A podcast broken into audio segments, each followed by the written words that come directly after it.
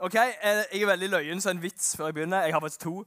Eh, Første vits det er Hva er yndlingssporten til familien Golf? Eh, Er det Ja, gi meg noen svaralternativer. OK. Det er basketball. OK. Siste vits. Hvilken Volkswagen-modell kjører familien Golf? Volvo? Forslag? Det er Passat. Takk for meg.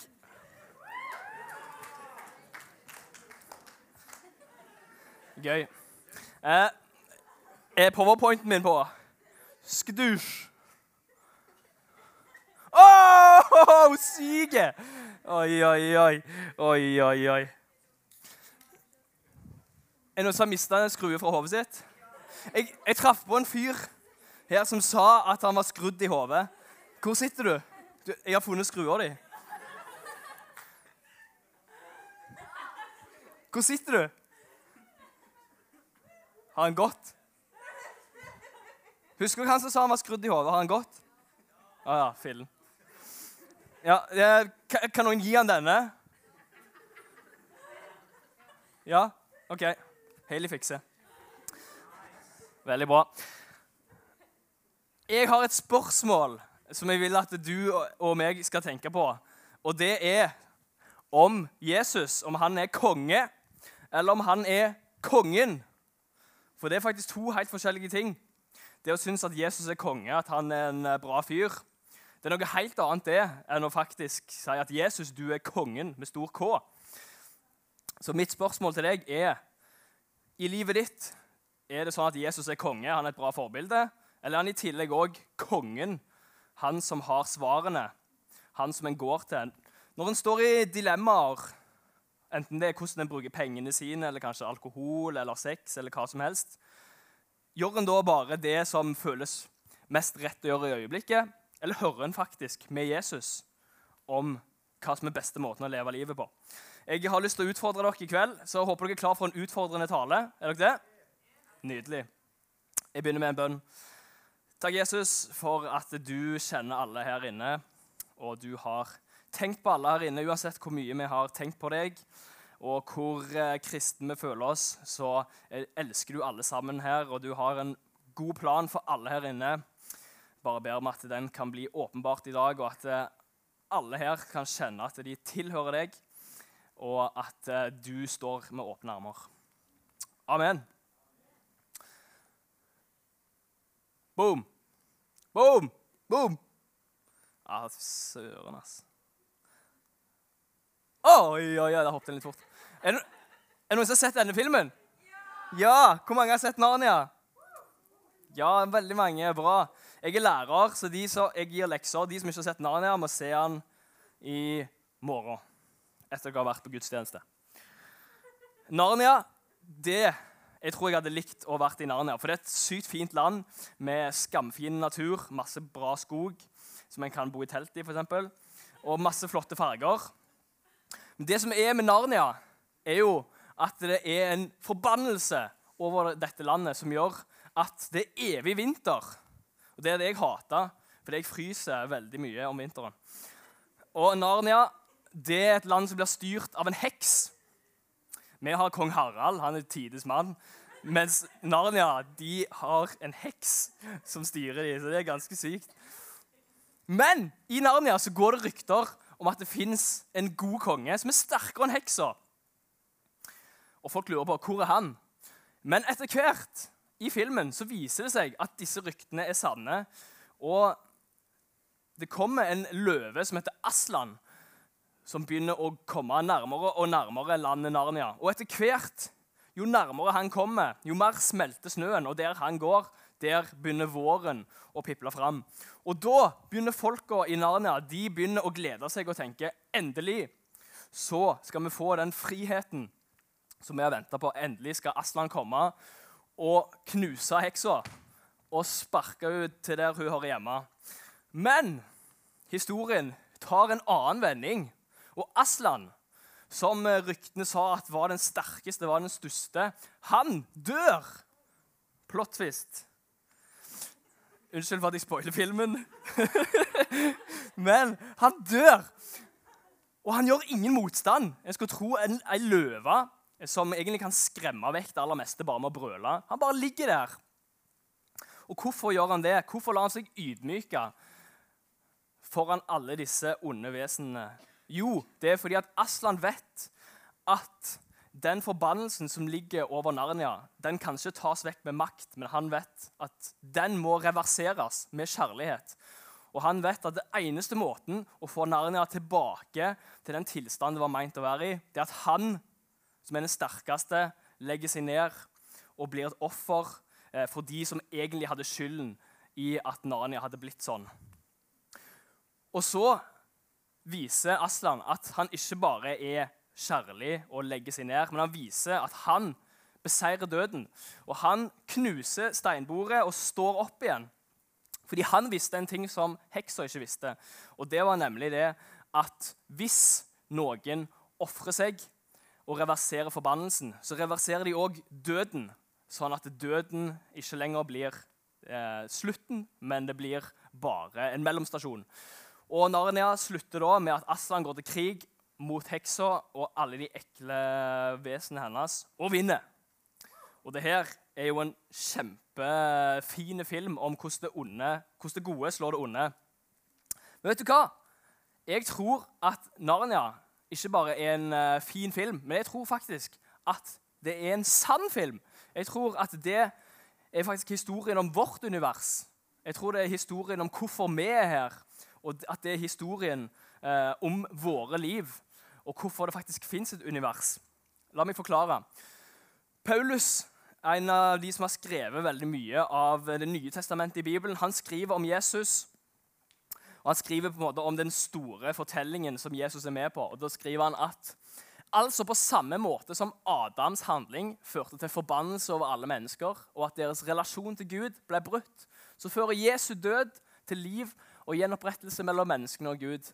Alle ble gjort til syndere pga. Adams ulydighet, men menneskene vil kunne føres tilbake til Gud pga. Jesu lydighet. Før hersket jo synden over alle mennesker og førte døden inn i verden. Nå overtar i stedet Guds kjærlighet og tilgivelse makten ved at Jesus Kristus, vår Herre, gjør oss skyldfri innenfor Gud og gir oss evig liv. Fantastisk. La meg forklare. Det står i begynnelsen her om Adam, altså det første mennesket. Fordi Gud skapte verden sånn at han kunne ha en plass og være sammen med mennesket.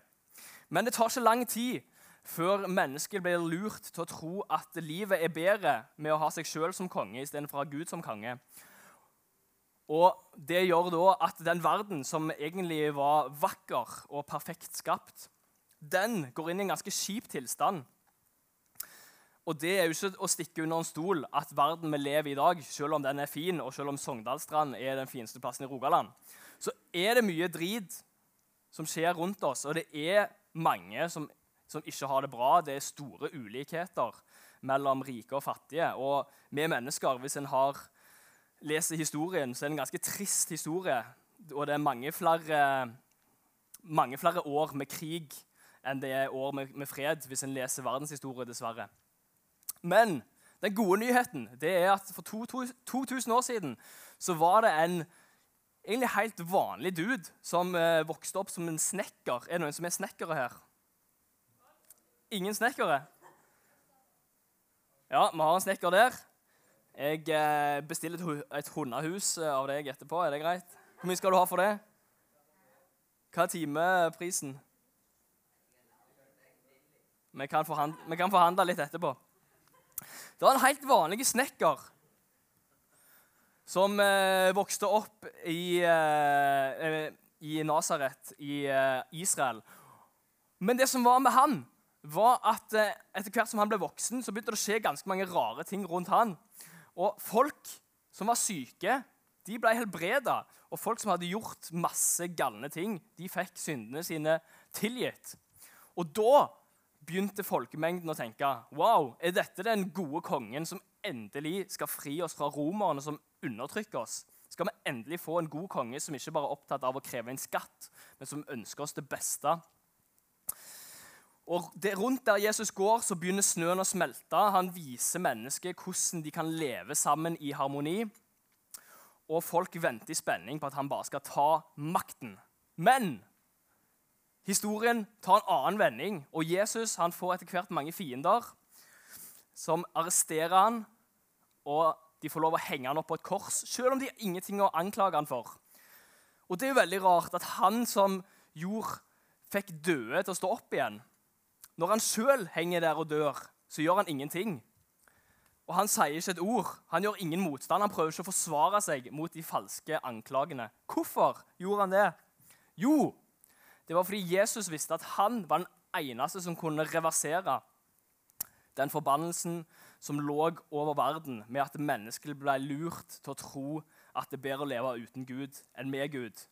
Og Gud visste at mennesket det kan ikke vinnes tilbake med makt. Men jeg må vise mennesket at jeg elsker dem med å ofre meg for dem, sånn at de kan se at uansett om de har gått fra meg, så har ikke jeg gitt opp dem. Og det syns jeg er konge. Og det jeg elsker med denne historien, at han stopper ikke der. Men Jesus han står opp igjen fra de døde, og han knuser steinbordet, som er et uh, symbol på Moseloven. Der Før så måtte folk følge det og det og det og ikke gjøre det og ikke gjøre det for å kunne kalle seg uh, uh, som barn av Gud. Men nå så kunne mennesket ta imot en ny identitet og, og si at jeg er barn av Gud, ikke pga. det jeg har gjort og det jeg ikke har gjort, men fordi Jesus har gjort at den forbannelsen, det skillet som var mellom menneske og Gud, det er vekke. Og vet du hva? Det tror jeg er historien om universet og historien om meg og deg. Så mitt spørsmål til deg er om du lar din historie få definere Jesus, eller om du lar hans historie få definere deg. For så ofte så begynner vi med å se på vårt liv og tenke på alle de bønnene som Jesus ikke har svart på, og se rundt oss på alle problemene som er rundt oss, og tenke jeg tror ikke Jesus bryr seg så mye om meg. Hvis du begynner med din historie og lar den få definere Jesus, så blir Jesus liten. Men hvis du lar Jesus sin historie om at han ga sitt liv for deg og var villig til å lide en ydmykende død vet du hva? Det må jo bety at Jesus er villig til å gjøre hva som helst for deg. Så mitt spørsmål er, Lar du din historie få definere Jesus, eller lar du hans historie få definere deg? Det er lov å ta notater. Det er, er, det, er det bra greier? Ja. Og så er det lov å, det er lov å lage litt lyd. Jeg vet at dere er jo eh, Jeg skal ikke si bondeknøller. Da, da blir jeg kasta rett ut. Eh, hva er et positivt ord for det? Jeg er jo veldig glad i å være litt mer på bygda. Bygdafolk. Dere er bygdafolk. Det er sant, det? Ja, det er liv i dere, så det er bare å vise det. Så tipper jeg det er noen som tenker Hvordan kan jeg vite at Jesus er til å stole på? Hvordan kan jeg vite at det er trygt å gi mitt liv til han? Jeg tror at Jesus har bevist at han er til å stole på. En veldig eh, kul historie fra Lukas evangeliet 21. Det er en plass der Jesus og disiplene de går forbi tempelet det store tempelet som eh, de brukte mange år på å bygge, der de tilba Gud. Men Jesus han sier at det skal komme dager der det ikke skal bli stein tilbake på stein. Alt skal brytes ned. Og det er ganske modig å si, eh, fordi det kan jo testes. Og det betyr at hvis det Jesus sier her, hvis ikke det skjer, så vil jo Jesus miste all kredibiliteten sin og alle etterfølgerne sine. Hvis du slår opp i historieboka, så kan du lese at i år 70 etter Kristus så ødelegger romerne faktisk tempelet. Og Det er bare ett av mange sånne bevis på at det Jesus sa, det kom, gikk faktisk i oppfyllelse. Og det for meg betyr at de tingene Jesus sier, det tar jeg veldig seriøst. Så når Jesus sier 'du er tilgitt', da er det sant. Men tør vi å tro på det? Hvis ikke vi tør å tro på det, så kommer vi fremdeles til å føle skam. Vi kommer fremdeles til å tenke lite om oss sjøl, helt til vi tør å tro på at vi er tilgitt. Når Jesus sier du trenger ikke bekymre deg, så trenger du ikke bekymre deg. Selv om du har tusen ting å bekymre deg for, så trenger du ikke gjøre det, fordi Jesus sier det. Når Jesus sier at En dag skal jeg komme tilbake og tørke bort hver en tåre, og jeg skal fjerne all ondskap. Vet du hva? Selv om jeg ikke har sett det skje ennå, så tror jeg det kommer til å skje. Fordi det Jesus sier, historien har vist at det skjer. Jeg tror at det som ennå ikke har skjedd, kommer til å skje. Jeg tror at historien eh, om Narnia ikke bare er en eh, flott historie om at det gode overvinner det onde. Jeg tror at det gode allerede har overvunnet det onde. Det er rått. Jeg har eh, en liten baby bak her. Eh, for jeg tror et problem vi ofte har, er at vi ser på Jesus som en liten baby. En søt og snill baby, og så prøver vi så godt vi kan å ta vare på Jesus. Og uh, huske å lese litt i bibelappen og passe på at troen vår er liksom sterk. og sånn. Men så er det ikke alltid det går så bra. Og så Oi, nei, nå mista jeg Jesus. Å, går det bra? Unnskyld. Så, så, er vi litt eh, ekstra flinke den neste uka fordi vi dreide oss litt ut. Men så Oi. Nei, Jesus. Å nei, går det bra? Og så, det, og så har han bare skikkelig dårlig samvittighet fordi vi er ikke så gode til å elske Jesus. Og vi tar ikke så godt vare på han. Vet du hva? Jesus er ikke en baby. Det er på tide å kvitte deg med baby-Jesus. Jeg har en ekte Jesus bak her. Vil dere se han?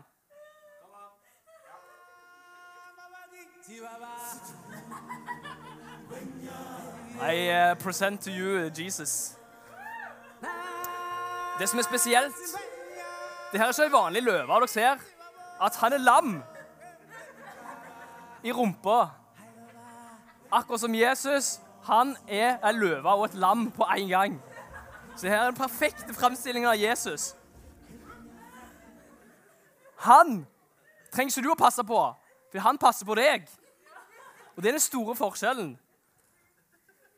Og vet du hva?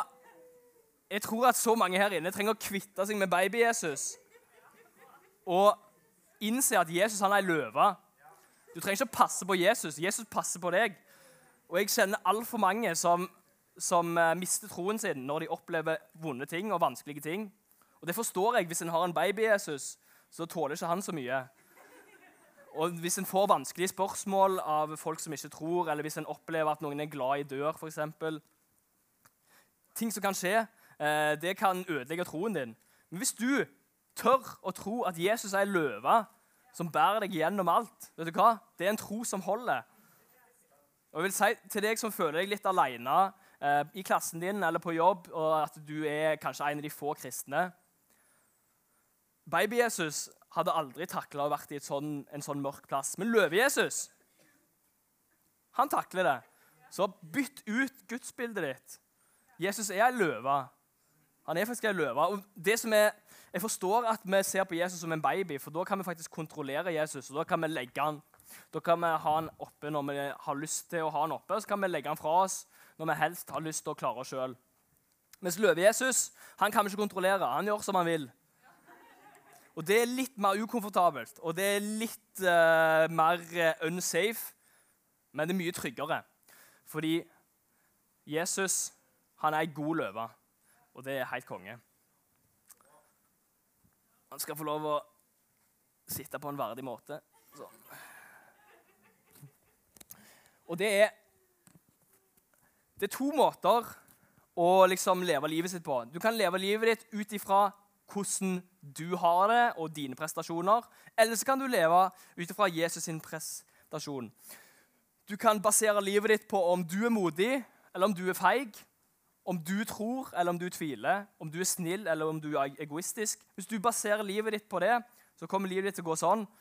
Fordi iallfall jeg har dager der jeg er veldig modig, og der jeg tror og der jeg er snill mot andre. Men så har jeg dager der jeg bare er helt håpløs og lyver for å slippe unna konsekvenser, og der jeg syns det er vanskelig å tro på Gud. Vet du hva? Du trenger ikke basere troen din på hva du har fått til, og hvordan du føler deg, men du kan basere troen din på at Jesus er kongen uansett. Og det er ikke din tro som gjør at Jesus liker deg, og som gjør at du eh, eh, er frelst. Men det er Jesus sin lydighet på korset, som vi leste i Romerne, som gjør at vi kan være kristne og være stolte av det. Så vet du hva? jeg utfordrer deg til å kunne si 'Jesus er kongen'. For Det kan du si på alle dager. Når du har det skamdrit, så kan du fremdeles si 'Jesus er kongen'. Når du har det kjempebra, så kan du si 'Jesus er kongen'. Da får du et mye mer stabilt liv. Du kan kjenne at til og med når jeg feiler, og når jeg skuffer meg sjøl, så trenger jeg ikke gå i kjelleren, fordi Jesus er kongen.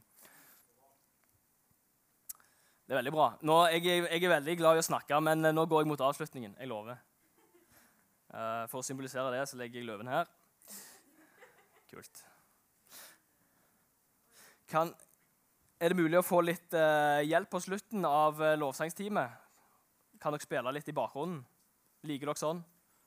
Ja, jeg syns det er gøy å spille litt i bakgrunnen. Dette er en spesiell scene, syns jeg, fra Narnia. Da har altså hovedpersonene, eh, de fire søsknene, de har kommet til Aslan, og det virker som ting er bra.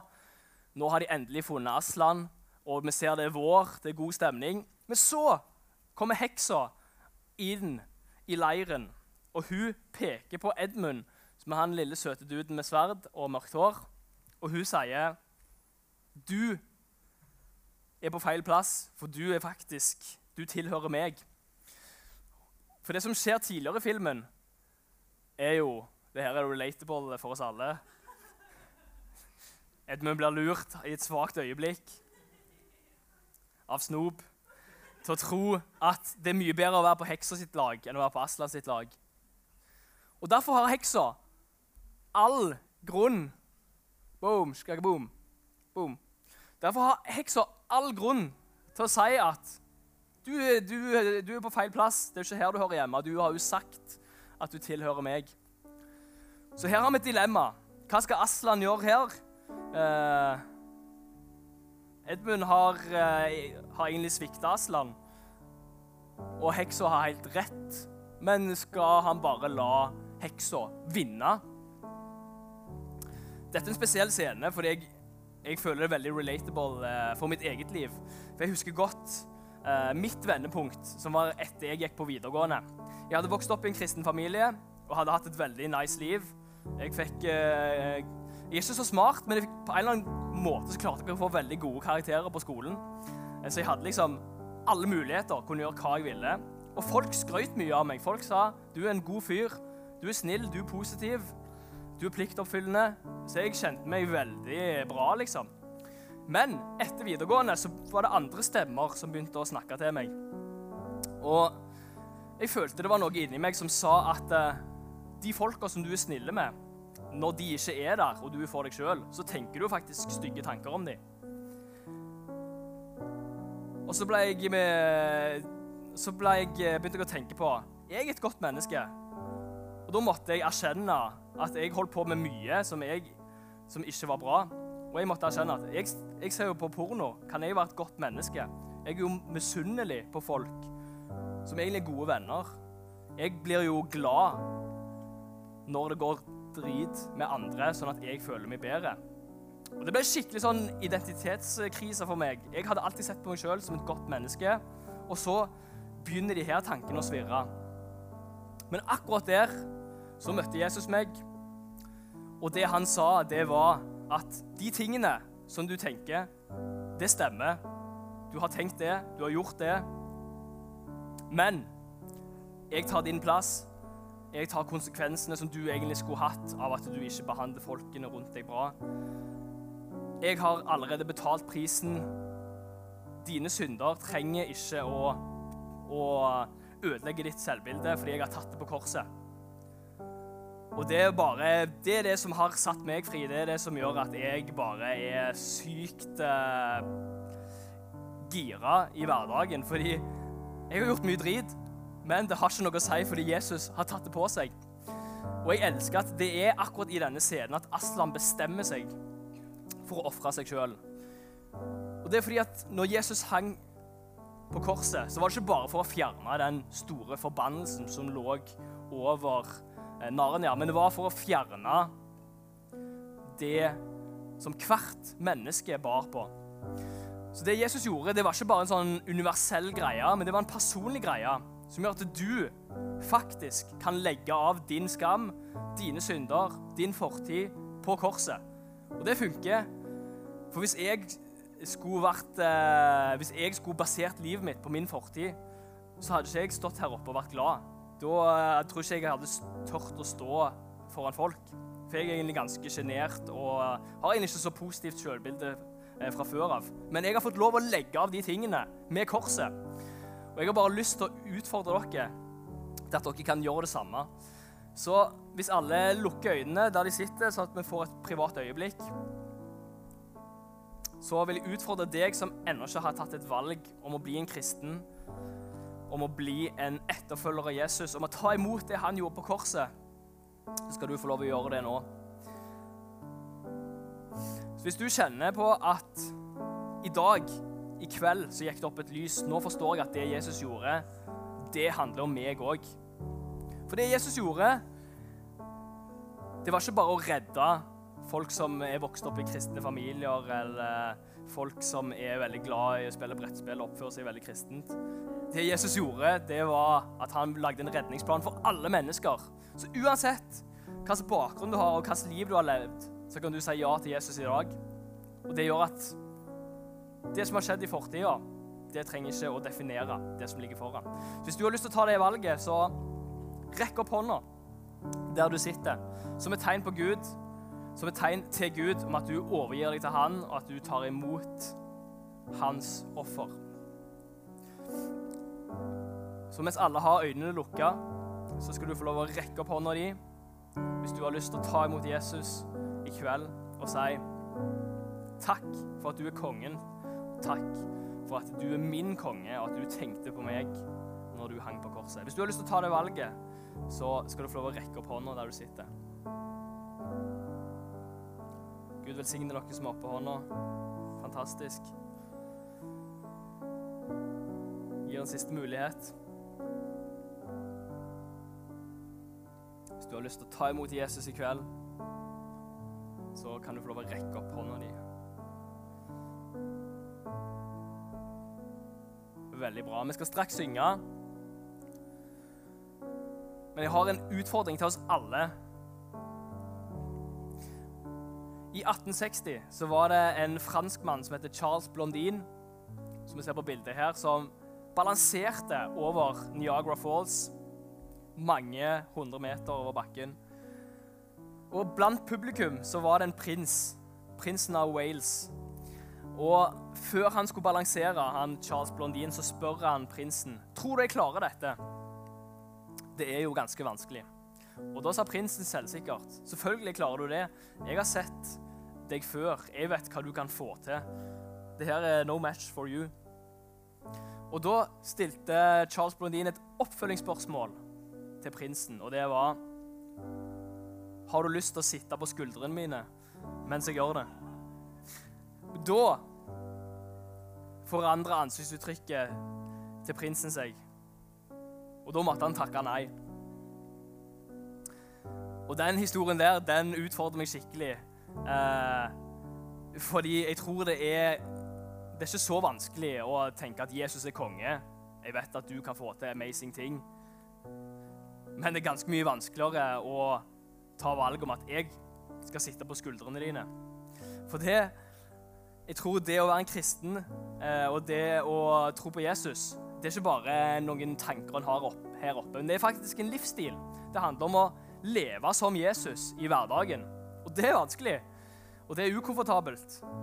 Så jeg har bare lyst til å gi en utfordring til at hvis du har lyst til å ta et standpunkt om at eh, jeg skal ikke lenger bare tenke at Jesus er konge, men jeg skal krone Jesus som kongen.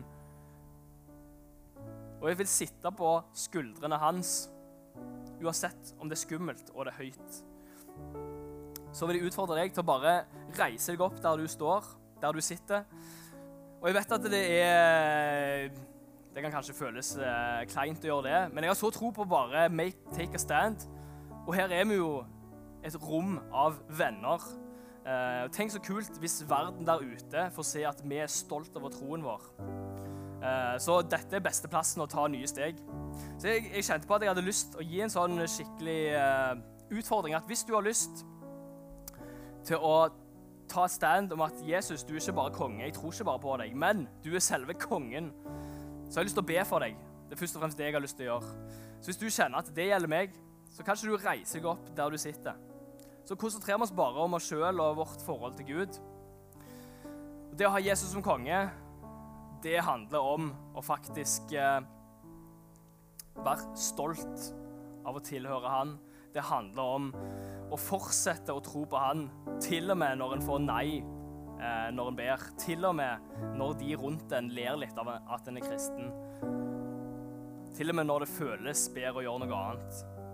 Hvis du har lyst til å bare ta og føler at du trenger å ta et sånt standpunkt, så kan ikke du reise deg der du sitter, så vil jeg be for deg. Jeg vet at det er, koster mye, men jeg tror at det er noe som Gud vil respondere på. Fantastisk. Fantastisk. Takk, Jesus, eh, for de fantastiske menneskene som står nå og har tatt et standpunkt om at de vil ikke bare tro på deg når det føles bra, og når, det, når du er, er, føles nær, og når du gir oss sommerfugler i magen, men de vil krone deg som konge og være sammen med deg eh, fra nå av og helt inn i evigheten. Takk for at det er du som eh, først og fremst bærer oss her inne, og ber om at vi skal skjønne at eh, det er ikke opp til oss, det er ikke opp til vår dagsform og hvor mye vi klarer å tro, men det er opp til at du er kongen uansett. Bare be om at du skal respondere nå på det valget som folk har tatt. Nå har folk tatt et steg i tro, valgt å stille seg fram og vise at 'jeg tilhører deg', Jesus. Bare ber om at de skal få kjenne på det når de legger seg i kveld og i uka framover. At de tilhører deg. At du er med alle dager. Takk òg for at eh, alle her i rommet er like foran deg, og det er ikke noe eh, gradering av eh, hvor flinke kristne vi er. Så uansett om vi står eller sitter nå, så digger du oss så sykt mye. Og ber for eh, alle som, som, kjenner at de har lyst. De har så lyst til å tro på deg, de har så lyst til å ta standpunkt, men kjenner ennå seg usikre. Bare ber om at de kan få slappe av med at du har kontroll. Men at du òg minner dem på at det er en større historie som de kan få plassere seg sjøl i. Hjelp oss ikke basere livene våre bare på det vi har opplevd og det vi har sett, men på den historien som du skriver, som du skrev gjennom de som gikk før oss, og som du nå skriver gjennom oss. Amen. Da kan vi få bli stående, så skal vi synge en eh, sang. Og da er min oppfordring til deg hvordan ser det ut å tilbe en konge? Tilber en en konge med lavt volum eller med mye volum? Hvis Jesus faktisk er konge, hvordan påvirker det eh, vår tilbedelse? Bruker vi hele kroppen, eller bruker vi bare munnen? Bruk lovsangen nå òg til å ta nye steg. Hvis du ikke har eh, satt ord på din tro, så bli med og syng. Hvis du ikke har prøvd å strekke hendene dine til Jesus for å vise at du overgir deg til han, prøv det. Hvis du ikke har prøvd å knele og hylle han som konge, gjør det. Ta et steg sammen med Jesus. Så tilber vi han. Han er kongen vår. Han kan vi stole på.